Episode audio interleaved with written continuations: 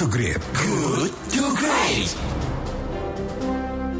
Masih bersama saya Joel Syafi di 107,1 Kialat FM Bandung Inspiring Sound dan kita masih berada di sesi diskusi Kialat FM dengan topik atau tema memperbaiki penyelenggaraan pemilu. Dan yang sudah saya sampaikan kepada Anda bahwa ada harapan bahwa negara ini supaya bisa berhemat dengan pemilu serentak ya eh, supaya tidak sekedar teori berlaka.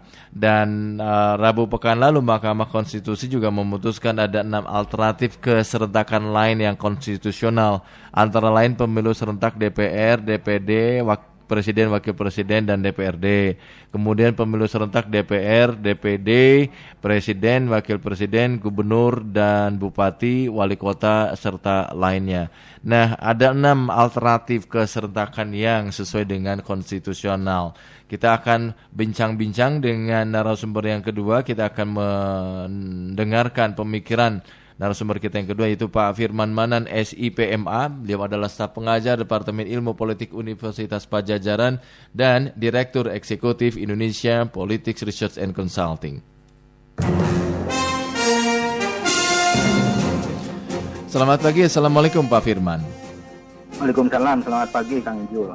Pak Firman, baru-baru ini MK memutuskan ada enam alternatif keserentakan lain eh, yang konstitusional. Ini hubungannya dengan pemilu ya antara lain pemilu ini antara lain pemilu serentak DPR, DPD, Presiden, Wakil Presiden dan DPRD. Kemudian pemilu serentak DPR, DPD, Presiden, Wakil Presiden, Gubernur dan Bupati, Wali Kota serta lainnya. Gimana nih menurut Anda tanggapan Anda bagaimana Pak Firman? Ya sebe sebetulnya kalau kita lihat kan putusan MK itu tetap menyerahkan kepada pembuat undang-undang ya. Mm -hmm. uh, apa alternatif mana yang dipilih tapi tetap dalam prinsip bahwa pemilu itu harus serentak. Nah, hmm. Nah, cuma yang menarik memang ada opsi uh, pemilu itu digabungkan dengan pilkada sebetulnya ya, hmm. uh, karena selama ini kan memang uh, seakan-akan ada perbedaan rezim begitu bahwa yeah, pemilu yeah. itu dipisahkan dengan pilkada. Nah, akan yeah. tetapi uh, sekarang itu ada alternatif berdasarkan putusan MK ya pertimbangannya ya bahwa ada alternatif untuk uh, menggabungkan. Nah, hmm. cuma memang yang jadi problem kan sebetulnya uh, pertama kita harus melihat dulu mengevaluasi uh, pemilu serentak kemarin pada tahun 2019 begitu. Hmm. Ada beberapa hal yang saya pikir memang menjadi catatan uh, sebelum kemudian kita berpikir bahkan kalau kemudian opsi menggabungkan pada saat yang sama ya dalam pengertian concurrent election itu pada hari yang sama itu kan berarti menambah beban hmm. uh, termasuk terhadap penyelenggara uh, pemilu. Betul. Nah, apakah kemudian uh, itu sudah siap atau opsinya uh, serentak itu tapi dalam pemahaman bertahap begitu ya bahwa uh, pemilu di tingkat nasional baru kemudian ke daerah hmm. apakah itu provinsi kabupaten kota digabungkan atau kemudian juga uh, kembali bertahap hmm. uh, apa di provinsi dulu, hmm. baru kemudian di kabupaten kota. Hmm. Nah, masing-masing memang akan punya kelebihan dan kelemahan. Hmm. Nah, misalnya kalau kita bicara serentak pada saat bersamaan, hmm. uh, maka uh, banyak yang mengatakan ini kan pertama soal biaya, yeah. biayanya akan lebih rendah, walaupun belum tentu juga sebetulnya begitu ya. Hmm. Uh, Nah, kalau kemudian tidak uh, serentak uh, dalam artian pada hari yang sama itu bisa uh, apa biayanya Sangat lebih besar, besar gitu ya. Uh, termasuk juga misalnya kan salah satu problem kalau kita tetapkan harus bicara juga dari apa perspektif pemilih. Iya. Kalau pemilihan itu dilakukan tidak pada saat bersamaan, Hmm. Uh, dalam beberapa studi tentang pemilihan itu ada yang disebut apa voter fatigue gitu ya. Orang hmm. menjadi bosan begitu, yeah. menjadi jenuh, jadi fatigue karena terlalu banyak pemilu dan itu bisa berpengaruh terhadap tingkat partisipasi. Iya, nah, itu iya, kan yang iya. dimaksudkan kenapa kemudian uh, opsi pemilihan serentak. Hmm. Tapi pemilihan serentak juga dalam perspektif pemilih bisa juga ada dampak negatifnya. Hmm karena pemilih bingung gitu mm-hmm. terlalu banyak yang harus dipilih mulai dari presiden wakil presiden iya. uh, anggota DPR anggota DPD bahkan kalau di provinsi juga gitu ya iya. kepala daerah apa gubernur betul. wali kota bupati anggota DPRD provinsi kabupaten kota kan terlalu banyak betul, betul. nah sementara tentu pemilih itu punya keterbatasan mm-hmm. untuk menyerap informasi pada saat kampanye untuk hmm. mengenal siapa kandidat yang maju partai politik mana begitu ya yang harus hmm. dipilih apa isunya program yang hmm. ditawarkan. Hmm. Nah sehingga yang jadi problem nanti sebetulnya tidak ideal pilihannya itu. Dan itu misalnya salah satu problem di uh, pemilu 2019 misalnya uh, kan kalau kita lihat pemilih itu fokusnya pada pilpres. Betul. Nah sehingga di pemilihan DPR dan DPD itu termasuk DPRD uh, pemilih tidak uh, terlalu apa well informed gitu ya siapa hmm. kandidat uh, sehingga ya yang bisa jadi problem adalah nanti yang dipilih itu memang bukan orang-orang yang punya kualitas baik begitu. Tapi tidak... menarik tadi Pak Firman sampaikan bahwa ya. jangan sampai jadi apa voting uh, static voters gitu ya, static ya. voters. Artinya ketika uh, pemilih dihadapkan pada pemilihan presiden, wakil presiden, kemudian DPR, DPD dan uh, di uh, pilkada artinya di daerah ya. itu mungkin mereka akan memilih lebih tertarik untuk presiden dan wakil presiden sementara yang lain sudah tidak lagi atau paling tidak presiden wakil presiden dengan kepala daerah gitu ya yang lainnya jangan Betul. malah jadi asal-asalan ya Betul Kang karena juga memang kalau kita lihat ya pengalaman pemilihan di berbagai negara dengan hmm. model serentak misalnya Amerika Serikat hmm. ketika apa dalam pemilihan uh, presiden uh, pemilihan kongres itu digabungkan dengan pemilihan presiden yeah. memang fokusnya akan pada pemilihan presiden mm-hmm. karena istilahnya itu disebutnya adalah electoral price ya jadi hadiahnya lebih besar begitu mm. uh, ketika hadiah lebih besar kan perhatian partai politik misalnya akan lebih kepada pilpres betul kampanyenya akan difokuskan ke sana. Hmm. Media juga akan banyak menyoroti uh, pilpresnya. Betul. Nah sehingga bagaimanapun apa Eh, mau tidak mau publik perhatiannya akan terfokus ke sana. Hmm. Nah, saya sepakat tadi maka kemudian yang dikhawatirkannya uh, perhatian terhadap apa pemilihan anggota legislatif ini menjadi apa uh, terabaikan.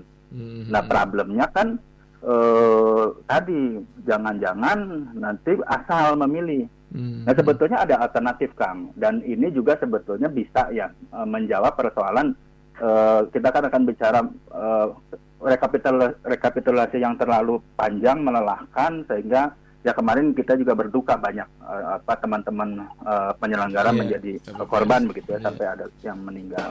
Yeah, nah, yeah. misalnya ada pertimbangan mengubah dalam pemilihan anggota legislatif itu dari proporsional terbuka menjadi proporsional tertutup. Mm. Jadi hanya memilih partai saja, mm, tidak yeah. lagi memilih nama. Kan itu juga akan lebih mudah sebetulnya bagi pemilih hmm. dibandingkan dia harus siapa nih dalam satu partai memilih yang mana gitu ya hmm. tapi hanya memilih partainya saja hmm. nah, tapi bukan tidak menimbulkan problem baru juga akan yeah. menimbulkan problem baru kalau mekanisme seleksi di internal partai tidak dilakukan dengan baik hmm. berarti itu termasuk uh, apa pemikiran anda ya agar pemerintah mengevaluasi ini kan pemerintah uh, dan DPR kan merum, akan merumuskan kebijakan uh, pemilu dalam RU pemilu ya. setelah uh, putusan MK. Ya. Nah, fenomena banyaknya petugas yang berjatuhan, petugas lapangan yang berjatuhan dalam pemilu 2019 ini kan diharapkan bisa jadi bahan evaluasi ya saat menyusun naskah akademik RU pemilu ini. Ya. Nah, apa nih yang harus kita lakukan uh, supaya kita tidak terjebak pada bangsa post factum gitu evaluasi menyeluruh seperti apa yang mesti diperbaiki dalam RUU pemilu ini Pak uh, Firman Iya, yang pertama melanjutkan tadi yang sudah saya katakan bahwa dipertimbangkan uh, untuk uh, proporsional terbuka itu menjadi proporsional tertutup. tertutup. Okay. Tapi tentu dengan prasyarat ketika proporsional tertutup, maka kemudian partai itu melakukan seleksi untuk calon anggota legislatif itu betul-betul demokratis begitu ya transparan mm-hmm. uh, bahkan kalau perlu melibatkan partisipasi publik di beberapa negara ada model itu yang kita sebut model konvensi itu kan yeah, publik yeah. berpartisipasi dalam proses seleksi sebab kalau tidak kang itu jadi bahaya juga gitu ya kalau prosesnya seperti sekarang masih seperti sekarang tertutup itu kan seenaknya saja nanti mm-hmm, yeah, untuk yeah. menempatkan orang gitu ya mm-hmm. bahkan nanti pertimbangannya mm-hmm. karena kedekatan bahkan mungkin misalnya kita tahu ada mahar dan sebagainya. Nah itu kan juga harus dihindari. Itu. Nah, mm -hmm. uh, tapi itu bisa menjadi pertimbangan karena salah satu problem saya melihat proses rekapitulasi yang panjang, mulai dari penghitungan ya, lalu kemudian ke rekapitulasi termasuk rekap berjenjang itu panjangnya karena tadi gitu ya, hmm. list nama. Iya iya uh, iya betul. Jadi uh, panjang sekali. Uh, hmm. Lalu kedua, yang ini juga sebetulnya kan sudah dikaji dan kemungkinan bahkan akan diterapkan di 2020 ya, apakah hmm. tapi uh, oleh KPU, apakah itu pilot project atau langsung di semua adalah e-rekap kan rekapitulasi uh, secara elektronik. Hmm. Itu juga secara teknis tentu akan memudahkan begitu ya, mengurangi tingkat kelelahan dari uh, petugas di lapangan. Nah, Baik. Nah, tetapi memang ini juga bukan tidak ada problem di beberapa negara penggunaan hmm. teknologi seperti ini akhirnya kemudian juga ditinggalkan di beberapa negara Eropa itu seperti Inggris, uh, Jerman, Belanda. Problemnya adalah public trust. Iya, iya. Justru uh, ketidakpercayaan dari publik penggunaan teknologi gitu. Hmm. Karena justru apa kan tidak juga apa menjamin tidak ada manipulasi. Hmm. Nah pertanyaannya kan sejauh mana kemudian publik percaya Betul. pada penyelenggara pemilu kalau kemudian teknologi itu yang sebetulnya niatnya untuk memudahkan begitu ya hmm. eh, apa penyelenggaraan pemilu begitu ya, hmm. eh, tapi sekaligus harus membangun public trust karena yes. di beberapa negara ketika public trustnya tidak ada ya akhirnya kembali lagi ke ke uh, model manual sebetulnya. Baik, baik, baik. Pak Firman Manan, terima ya. kasih atas waktu Anda dan pemikiran Anda menjadi sesuatu yang baru untuk kami semua pagi ini. Selamat Sama -sama, pagi, sukses kasih. untuk Anda Pak Firman. Selamat pagi. Ya. Assalamualaikum. Waalaikumsalam warahmatullahi wabarakatuh. Demikian sahabat kalian Pak Firman Manan SIPMA, staf pengajar Departemen Ilmu Politik UNPAD yang juga Direktur Eksekutif Indonesia Politik Research and Consulting.